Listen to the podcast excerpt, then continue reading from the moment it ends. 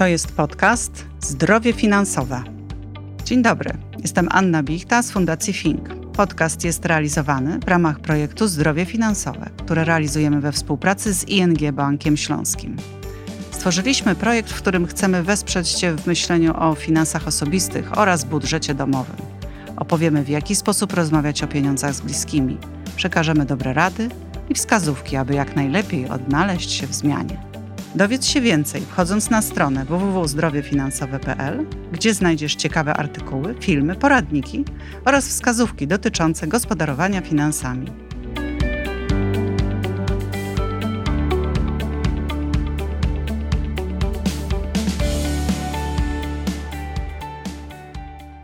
Dzień dobry, witamy Państwa bardzo serdecznie. Nazywam się Ewelina Seroticz, jestem coachem. Na co dzień współpracuję z kobietami stojącymi na progu kryzysu. Jednak w ostatnich kilkunastu miesiącach dużą część swojej uwagi poświęciłam osobom, które próbowały odnaleźć się w rzeczywistości, nowej rzeczywistości. A ja nazywam się Tomasz Sobierajski, jestem socjologiem. To właściwie najważniejsza rzecz, która mnie definiuje. Prowadzę badania nad społeczeństwem, nie tylko polskim. I temat y, pandemii, tego co się stało, albo jak niektórzy nazywają eksperymentu społecznego, mnie jako socjologa oczywiście bardzo interesuje. Przejdziemy do tematu, jeśli pozwolisz. Jasne. Przyjemnością. Czyli pandemia i oswajanie rzeczywistości. No właśnie. Y Gdybym zadała Tobie takie pytanie, co nam zabrano, a co nam dano? Zacznijmy od tego, co nam dano. Spotkanie z bliskimi, zobaczenie tego, że ci ludzie, z którymi mieszkamy, są fajni i może warto z nimi spędzać więcej czasu niż do tej pory. Dano nam też szanse na to, bo to są wszystko szanse, bo to jest pytanie, mm. czy, my, czy my je przeniesiemy na dłużej, ale powiedziałaś bardzo ciekawą rzecz związaną z tym, że, mm, że nie trzeba robić niczego spektakularnego, bo nam się wydaje, że po prostu rzeczywiście musimy zrobić jakąś wielką rzecz i tu przypomniała mi się mm, historia o tym, że jeśli wyjechać na weekend czy na wakacje, to trzeba było gdzieś wyjechać rzeczywiście, mm. kilkaset kilometrów, jechać, stać w korkach, denerwować się, ale to było to był wyczyn. To było takie genialne, genialna sprawa, bo jeśli się jechało gdzieś bliżej, to się w ogóle nie liczyło. I widziałem to w pandemii na przykład po moich sąsiadach bo mieszkam y, w, zaraz w obok lasu, który kocham, jest fantastyczny, piękny, tylko nikt z niego nie korzystał. Nikt tam nie chodził. Natomiast w pandemii nagle spotykam sąsiadów, mówi, jaki my mamy piękny las, a mieszkają tam czasami po kilkadziesiąt lat. Bo okazało się, że nie, nie mogą nawet robić wycieczek dalszych, więc musieli, byli zmuszeni do tego, żeby iść do tego lasu, bo to była jedyna możliwość. I okazało się, że teraz w tym lesie już, już się przyzwyczaili, już zobaczyli, mm. że to jest fajne i zobaczyli, że mają pod nosem coś takiego pięknego, fascynującego. I tak patrzę na nich, y, spotykam ich ich widzę, bo to jest na przykład ich pierwsza, pierwsza była jesień w tym lesie, pierwsze lato, teraz mm. pierwsza wiosna taka rodząca się i widzę, że są tacy szczęśliwi i nie mogą wierzyć w to, że coś takiego jest obok nich i myślę, że ta pandemia dała nam szansę, żebyśmy dostrzegli takie rzeczy, które są bardzo blisko nas, że my mhm. sięgamy, tak po prostu stoimy na tym naszym statku życia w bocianim gnieździe i wypatrujemy tej Ameryki, tak. a tak naprawdę nie patrzymy na to, co się na tym statku dzieje i co może mhm. się fajnego na tym statku mhm. zadziać. Zauważ, że y, na co dzień w tej gonitwie nie mamy czasu na wiele rzeczy, które chcielibyśmy zrobić. A tu się okazało, że nie musimy dojeżdżać do pracy, możemy siedzieć w domu. Jeżeli chcemy, to na przykład możemy sobie pójść na y, kurs jogi online, albo nauczyć się gotowania, albo haftowania. I to są takie rzeczy, na które wcześniej w ogóle byśmy nawet nie zwrócili uwagi, albo nie poświęcili nawet pięciu minut. A tu się nagle okazuje, że staliśmy się ekspertami w różnych dziedzinach. I to jest takie piękne, bo w końcu otrzymaliśmy niesamowitą szansę zrobić rzeczy, na które chcieliśmy zrobić, ale nie mieliśmy nigdy czasu. I widziałam wśród wielu osób, bo mówimy o tym, że pandemia była trudnym czasem i że dla wielu było bardzo, bardzo mm, ciężko, wielu osobom. Ale ja znam też wiele osób, którym było dobrze. Było dobrze właśnie dlatego, że mogli w końcu zrobić coś dla siebie. To były też osoby, które uczyły się języków obcych. To były też osoby, które uczyły się sztuk walki przez internet. I wiadomo, że to jest zupełnie inny rodzaj nauki niż na żywo, ale możesz widzieć tą szklankę do połowy pustą albo pełną i korzystać z tego, co jest ci dane. Tylko od razu chciałbym uspokoić tych wszystkich, którzy w czasie pandemii nie nauczyli się języka obcego, że, że absolutnie nie ma w tym nic złego, że to, to że to każdy z nas wykorzystuje tak, jak umie i tak, jak potrafi. Jeszcze te nowe technologie, bardzo dobrze, że o tym mówisz, bo ja nie wiem, ile udzieliłem wywiadów, na ile razy odpowiadam na pytania, czy nowe technologie nie zabijają relacji. I mhm. od bardzo, bardzo wielu lat mówiłem, nie, one to są tylko narzędzia. Znaczy, jeśli ktoś chce zabić relację i ktoś chce, żeby ta relacja nie przetrwała, to nawet jak będzie z tą osobą obok, to ta relacja nie przetrwa. A nowe technologie w wielu wypadkach pomagają w tym, żeby te relacje przetrwały. I pandemia pokazała, że nowe technologie, komunikatory na przykład, pozwoliły ludziom na to, że mogą się skontaktować. I oczywiście nie zastąpi to tego bezpośredniego kontaktu i on jest ważny, ale lepszy taki kontakt niż żaden. Więc ta część jest bardzo istotna. Zresztą szczególnie Wielkanoc zeszłego roku odbywała się tak, że po prostu siedzieli ludzie, mieli poprzywiązywane do foteli albo do krzeseł laptopy albo tablety i tam były główki ich bliskich. Znam nawet takie miejsca, gdzie były po trzy takie tablety albo cała rodzina ściśnięta, żeby się zmieścić na ekranie jednego komputera i tak spędzali ze sobą święta, bo nie było innej możliwości. A jak bardzo by to było dojmujące, gdyby nie było tych nowych technologii, gdyby nie było tych łączy. Też wiele osób nagle, która była do technologii taka nie jestem ponad to i w ogóle to się dla mnie nie liczy. Nagle okazało się, że, że to jest super, mhm. że, mm, że to mi pomaga być bliżej z bliskimi dla mnie ludźmi. No tak, ale jak w każdej sytuacji medal ma dwie strony i tą drugą stroną tej sytuacji, bo mówisz tutaj, że nowe technologie utrudniają czy też zabijają relacje i tak naprawdę to wszystko zależy od tego, co wynosimy z domu, bo jeżeli w naszym domu się rozmawiało, jeżeli w naszym domu siedzieliśmy przy stole, jeżeli nasi rodzice mm, dyskutowali z nami, uczyli nas tej rozmowy, to potem tworząc kolejne relacje nie mamy problemu, żeby rozmawiać ze swoimi dziećmi. Natomiast mm, patrząc na y, bardzo wielu ludzi w bardzo różnym wieku, widzę, że my nie umiemy rozmawiać rozmawiać ze sobą. Rozmawialiśmy o tym wcześniej, że zamiatamy problemy pod dywan. No i skoro nie było tych e, supermarketów, nie było pubów, nie było e, miejsc do spotkań e, na winie, no to dawało się dzieciakowi tableta, dawało się mężowi, czy mąż brał tableta, czy żona i po prostu każdy siedział w swoim świecie. I w ten sposób radziliśmy sobie z tymi emocjami. Więc pod tym względem powiedziałabym, że nowe technologie mogą utrudniać relacje i na pewno osoby, które już wcześniej miały problem z nawiązywaniem normalnych stosunków i relacji, teraz te relacje są jeszcze bardziej utrudnione. A drugą rzeczą, i to zauważam szczególnie u matek, aczkolwiek to chyba wynika z tego, że u nas w Polsce szczególnie to jednak matki głównie zajmują się wychowywaniem dzieci i opieką nad dziećmi. Bardzo dużo kobiet y, ma poczucie winy i to poczucie winy dotyczy wszystkiego, od tego, żeby na 15 minut wyjść na spacer właśnie i zrobić coś dla samej siebie, właśnie y, po to, żeby na przykład z dzieckiem spędzić trochę czasu, bo znaczy z jednej strony matka da temu dziecku tego laptopa i ma poczucie winy, że dziecko siedzi za długo, ale z drugiej strony nakłada na siebie taką gamę obowiązków różnych, a w które w pandemii jeszcze bardziej się pogłębiły, że ten tablet staje się nagle jakby jedynym sposobem, żeby jakoś sobie z tym wszystkim poradziła. Powiedziałaś, że one e, mają takie poczucie wina. Skąd twoim zdaniem się to poczucie winy bierze? No bo nie rodzą się chyba z poczuciem winy. Hmm. Fajnie, że o to pytasz, bo ostatnio bardzo dużo czasu spędzam z kobietami, z którymi właśnie pracujemy nad poczuciem winy. I powiem ci, że ono się pojawia w różnych momentach naszego życia. Ostatnio pracowałam z kobietą, która wywodziła się z ubogiej rodziny, i w tej rodziny zawsze problemem był zakup nowych ubrań. I za każdym razem, kiedy ktoś y, z członków rodziny y, kupował jakiś nowy ciuch, to ojciec, głowa rodziny, y, kiwał głową i mówił: No, znowu z, naszych, z naszego wspólnego budżetu gdzieś tam to kilkadziesiąt złotych zostało zabrane. I tak przez całe życie ta kobieta wyrastała w takiej świadomości, że kupowanie ubrań nie jest dobre, no bo, no bo pieniądze się marnują. I ona teraz jako dorosła kobieta, dobrze zarabiająca i prosperująca, za każdym razem, kiedy kupuje sobie cokolwiek, ma niesamowite poczucie winy, że wydała te pieniądze.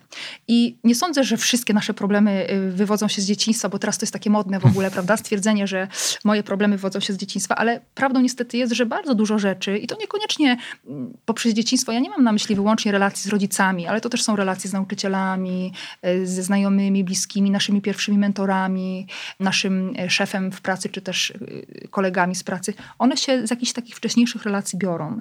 I nie mamy tutaj czasu, żeby się jakby głębiej nad tym skupić wszystkim. Chciałabym tutaj tylko zaznaczyć, i myślę, że to jest najważniejsze, że my, kobiety w Polsce, mamy poczucia winy bardzo dużo i, i fajnie, gdyby troszkę z nas gdybyśmy same z siebie zdjęły to poczucie winy. To jest na pewno kwestia kulturowa, że też kobiety się wbija w poczucie winy, kształtując też obraz matki w mediach. Jak oglądam reklamy, to na przykład matki w tych reklamach są, niezależnie co się działo, na przykład dostaną tonę jakiegoś brudnego ubrania do wyprania albo coś się wydarzy w kuchni, to one są i tak uśmiechnięte, i tak sobie doskonale potrafią radzić, a, a nie ma takiego obrazu, że można sobie po prostu w pewnym momencie nie poradzić poradzić i pozwolić sobie na to, że można sobie nie poradzić, nie mhm. stanąć na wysokości zadania. I myślę, że to dotyczy, bo zresztą pandemia też mam wrażenie, że dotknęła mocno tematki, które same wychowują dzieci, mm. które rzeczywiście nagle nie miały kompletnie na kogo liczyć, musiały pracować z domu, dzieci jeszcze uczyły się z domu i ten świat musiały ogarniać y, same do tej pory, ale czasami ktoś im pomagał. Znaczy mówię na przykład o babci, która zajęła się dziećmi tak. albo jakieś inne placówki. Natomiast tu musiały liczyć tylko i wyłącznie na siebie, a ta też liczba matek, które samotnie wychowują dzieci mocno wzrasta. E, I dobrze by było, żeby tak społecznie ta pandemia też nauczyła nas tego, i to w Dniu Matki jest bardzo ważne, żeby nauczyć się też takie matki wspierać. I w ogóle być może przedefiniować tą całą istotę macierzyństwa i bycia matką. Nie możemy, choć to jest modne i bardzo łatwe, winić naszych matek albo naszych rodziców za to, co nam się przydarza w dorosłym mm. życiu, bo za to jesteśmy odpowiedzialni też my. Mhm. Ja właśnie jeszcze kończąc temat matki, ostatnio rozmawiałam z taką bliską osobą i zapytałam ją, gdy gdybyś wyobraziła sobie, że za 20 lat spotykasz się ze swoim synem i zadajesz mu pytanie, co wpłynęło na to, że jest teraz szczęśliwym, otwartym człowiekiem, pewnym siebie, bez jakichś większych problemów emocjonalnych, to co by twój syn odpowiedział? Czy by powiedział o tym, że dzięki temu, że jego matka była idealna, że jego pokój zawsze lśnił, że miał najlepsze ubrania, najlepsze zabawki, a każda jego zachcianka była zaspokojona? Czy dzięki temu czuje się tak, jak się czuje? No i nie. Powiedziałby, że po prostu, że matka była tolerancyjna, pozwalała mu być tym, kim chce być, że była obecna wtedy, kiedy jej obecności potrzebował, a kiedy potrzebował być sam, to matka dawała mu przestrzeń na to, żeby był sam. Więc y, wydaje mi się, że że matki, my kobiety same sobie dużo rzeczy nakładamy. Tak jak mówisz, to jest kulturowe, ale mm, kultura na pewno ma na nas duży wpływ, ale my jesteśmy tak naprawdę, ym, zarządzamy same swoim życiem i to od nas zależy, jak będziemy to macierzyństwo przechodzić i czego będziemy od tego macierzyństwa oczekiwać. Ale wróćmy do, jeszcze do tego, co jeszcze nam ta pandemia dała i przyniosła. Tak, myślę, że też warto tutaj powiedzieć troszeczkę więcej o relacjach w domu i o tym, e, jakie to były trudne relacje, bo to były często relacje, mówiliśmy o tym wcześniej, ale to były często relacje między dwojgiem ludzi, którzy wcześniej nie potrafili ze sobą rozmawiać. Tak więc, właśnie tak jak mówisz, co nam zostało dane, a co zabrane, no więc myślę, że dana nam była okazja, żeby przyjrzeć się bliżej swojej relacji ze mną samą, z moim partnerem albo z moją partnerką i z moimi dziećmi.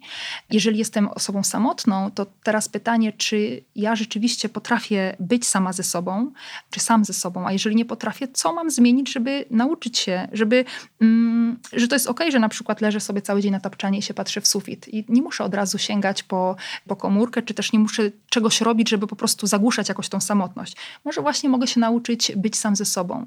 Troszkę ciężej jest na pewno w relacjach yy, gdzie są dwa silne charaktery, które nie potrafią ustąpić. I to jest najczęstszy problem, że my nie potrafimy ustępować, nie potrafimy gdzieś schować tego swojego ego, tej, tej siły, którą mamy w sobie, bo zawsze nasze musi być mm. u mhm. góry. No to jest to odwieczne pytanie, czy chcę mieć rację, czy relację. Mm. I niestety częściej wybieramy rację, bo nam się wydaje, że musimy mieć to ostatnie słowo, że wygramy, że, że też w takim wychowaniu, w takim duchu indywidualizmu, że, że wtedy zwyciężymy, ale de facto przegrywają wszyscy, kiedy się bardzo upieramy przy tym. Tak, używasz tutaj takich takich wojennych słów zwyciężymy, wygramy, ale w relacji to nie chodzi o to, żeby zacząć jakieś bitwy, tylko chodzi o to, żeby być ze sobą. I często warto chyba zadać sobie pytanie, dlaczego właściwie mi tak strasznie zależy na tym, żeby było było po mojemu. Czy to znaczy wtedy, że ja jestem co, że jestem mądrzejszy, że jestem silniejszy? Ja tutaj używam rodzaju męskiego, ale to to samo dotyczy kobiet przecież, bo to są bardzo różne relacje. Dlaczego mi tak bardzo na tym zależy? Może się okazać, że powody, dla których chcemy wygrywać, są na tyle błahe albo nieistotne, że możemy sami ze sobą pójść na jakiś układ i w pewnych momentach ustąpić właśnie dla dobra ogółu, a ogółem jest nasza rodzina. Pandemia zabrała nam, jak mówimy o tym, zabrała nam tę wymówkę że uciekaliśmy właśnie od rozwiązania problemów w naszych relacjach, bo mieliśmy wymówkę w spotkanie ze znajomymi, załatwienia czegoś w centrum handlowym, pójścia gdzieś, zrobienia tak. czegoś. No a tutaj już tej wymówki nie było i trzeba było iść dalej.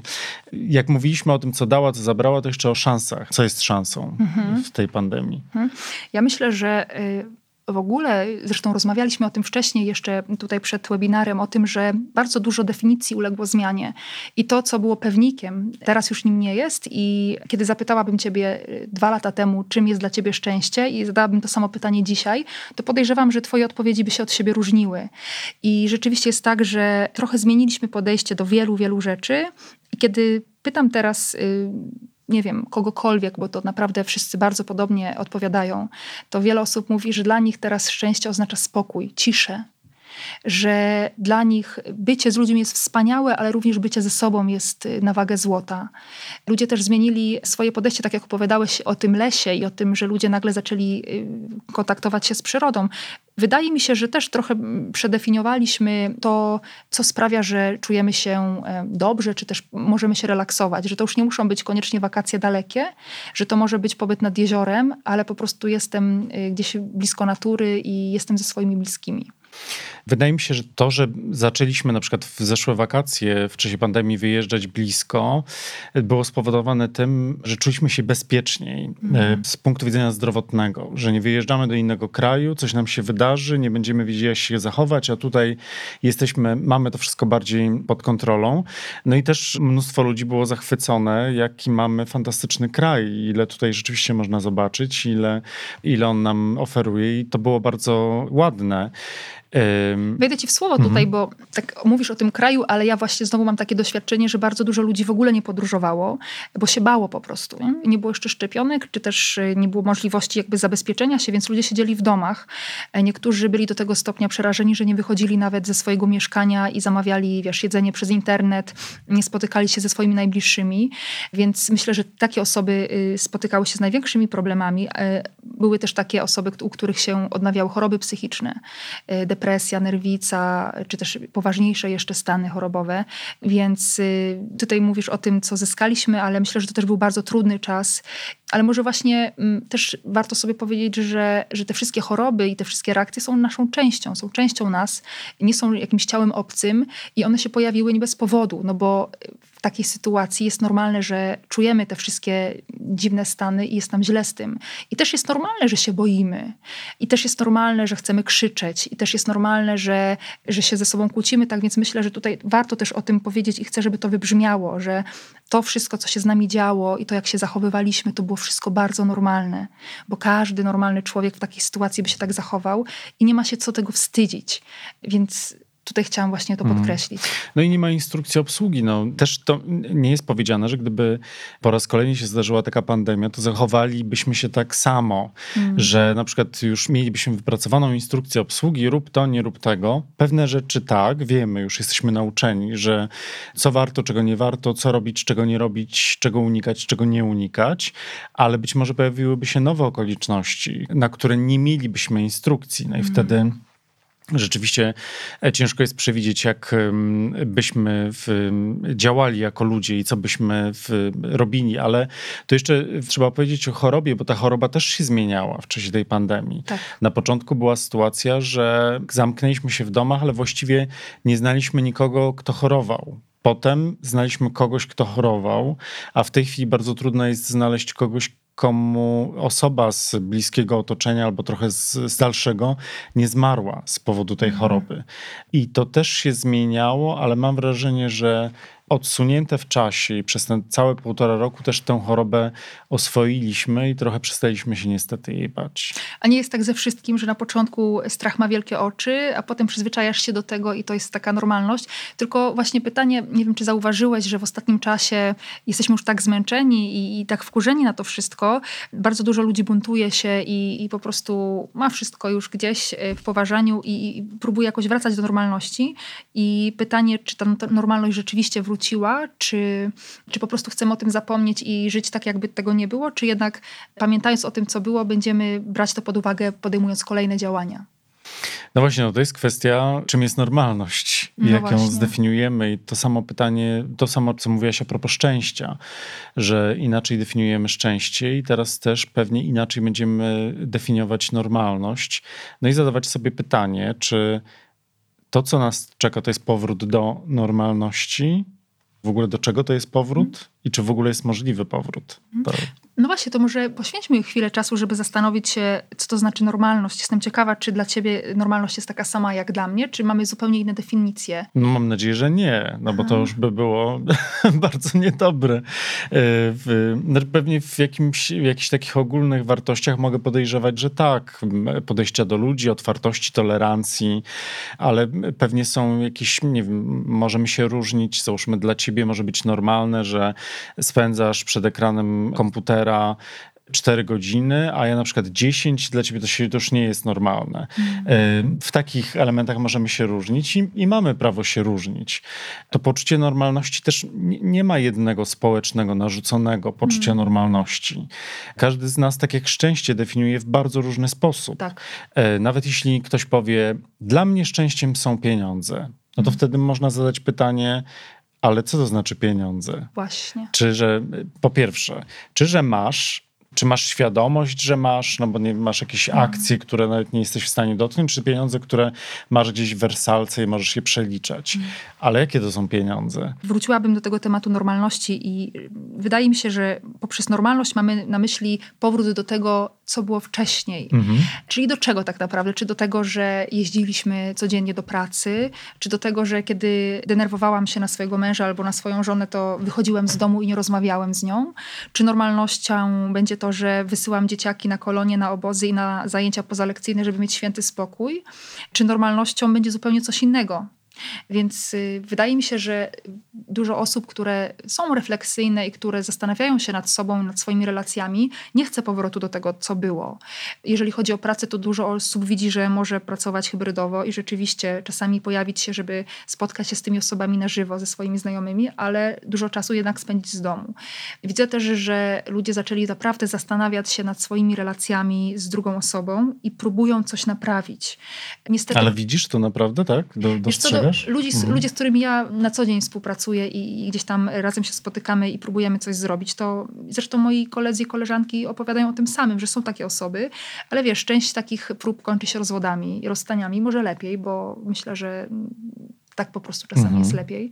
Są też osoby, które próbują, nie wiem, pracować nad relacjami ze swoimi dziećmi, na przykład miałam taką jedną panią bardzo fajną, która mi powiedziała, że po pandemii ona nie będzie już swojego dziecka wozić na te wszystkie zajęcia mhm. pozalekcyjne, bo po prostu teraz dopiero uświadomiła sobie, jakie to wszystko jest bez sensu, jak ten jej dzieciak mm, szkoły kończy o 16, 17, a potem jeszcze do 20 jest poza domem. Więc niektórym ludziom otworzyły się oczy, i też właśnie ludzie sobie uświadomili, że ten minimalizm, który gdzieś tam e, na wschodzie świata jest przecież od wielu, wielu lat stosowany w codzienności, być minimalistą to jest naprawdę nobilitacja, powiedziałabym wręcz.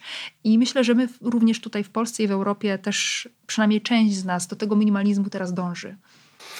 A ja nie jestem takim optymistą jak ty. Mhm. Ja uważam, że będziemy chcieli sobie bardzo mocno wszystko odbić wszystko. W tym, że właśnie spędzaliśmy, nie mówię, że wszyscy, ale też będzie taka grupa i ona będzie bardzo liczna.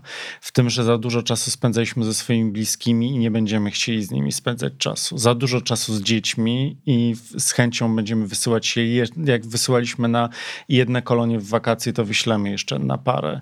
Że jak pomyśleliśmy sobie, ja z jakiego powodu jak nie kupowałem sobie tych rzeczy wcześniej, teraz sobie kupię, teraz będę mieć możliwość, jak już pojadę do tego centrum handlowego, to ono nie będzie mnie złościć, tylko po prostu będę tam 8 godzin na kupię sobie tyle, ile mogę. To może być taki na poziomie takiej bardzo takiego odreagowania mm. I, i po jakimś czasie może to oczywiście opaść, ale myślę, że to pierwsze odreagowanie może być silne, co widzimy chociażby po tym, jak otworzono ogródki, tak. gdzie ludzie jak przed Sylwestrem odliczali 10, tak. 9 i nagle te ogródki stały się czymś niesamowitym, niewiarygodnym. Nieważne, czy pada, czy nie pada, czy jest zimno, czy nie jest zimno, to w tych ogródkach siedzimy. I... Na pewno są różne osoby i różnie podejdą. Jak o tym wszystkim opowiadasz, pomyślałam sobie o efekcie jojo, który jest najbardziej kojarzony z dietą i z jedzeniem, ale myślę, że ten właśnie efekt jojo tutaj y, jest tak najbardziej zauważalny w tym wszystkim, o czym opowiadałeś. No i właśnie możliwe, że przez chwilę będzie takie zjawisko. Zresztą sama, kiedy sklepy zostały otwarte, weszłam do sklepu z ubraniami, pomyślałam sobie, kurczę, od roku nic sobie nie kupiłam nowego. Wiesz, kupiłam sobie dwie bluzki i stwierdziłam, że to trochę bez sensu, bo ja tak naprawdę tych bluzek nie potrzebuję. Mam pełną szafę. I w moim przypadku to odreagowanie trwało chwilę, moment i się zreflektowałam. I uświadomiłam sobie, że ja w ogóle tego nie potrzebuję nie wiem, rozmawiałam z moimi koleżankami, one bardzo podobnie podchodzą, ale pytanie, czy my jesteśmy w mniejszości, czy w większości osób, które tak podchodzą? Trudno powiedzieć. To też jest, tak jak powiedziałaś, no, ty też miałaś odruch na początku, że tak. kupiłaś, tak. ale potem na szczęście jesteśmy, no tak jesteśmy stworzeni przez naturę, że jesteśmy refleksyjni. Nie wszyscy z tego korzystają oczywiście. Mm. Ale te ubrania to jest bardzo dobry przykład, bo nagle okazało się, że my jesteśmy w stanie przez rok spędzić w jednym dresie. Mm. Ewentualnie na jakieś spotkanie biznesowe zakładając coś na górę, ale to też była jedna koszula, jedna marynarka. A pozostałe te rzeczy, które były w tym mieszkaniu i ubrania, w ogóle nam się nie przydawały i właśnie można sobie pomyśleć, no i nagle jak wcześniej było tak, że nie byliśmy w stanie funkcjonować w modzie, w sezonie bez jakiejś tam rzeczy, która była modna, nie wiem, kwiatów, fioletu czy czegoś tam jeszcze, no to teraz okazuje się, że tam nie wiem, co było modne, jakiś tam niebieski kolor załóżmy, no i sezon minął, niebieski był modny, my się bez niego obeszliśmy i, i wszystko jest okej, okay, nic się nie stało, nic się szczególnego nie, nie wydarzyło. I być może długofalowo będzie tak, że właśnie na początku odreagujemy, tak jak, nie wiem, ktoś, kto jest głodny i nagle dopada po jakimś czasie, nie wiem, diety, wie, że ta dieta się kończy, jest ten pierwszy moment, że się tak najada, najada, najada, ale jakie jest wtedy uczucie najczęściej, jak się mm. człowiek ten naje? Jest takie nie masakra, tak się źle czuję, nie zrobię tego więcej. Mm. Albo następnym razem zrobię to inaczej. No i być może tu też tak będzie, w, mam nadzieję, w przypadku większości ludzi. Ewelina Seroticz. Tomasz Sobierajski. Dziękujemy. Do usłyszenia. Dowiedz się więcej wchodząc na stronę www.zdrowiefinansowe.pl, gdzie znajdziesz ciekawe artykuły, filmy, poradniki oraz wskazówki dotyczące gospodarowania finansami.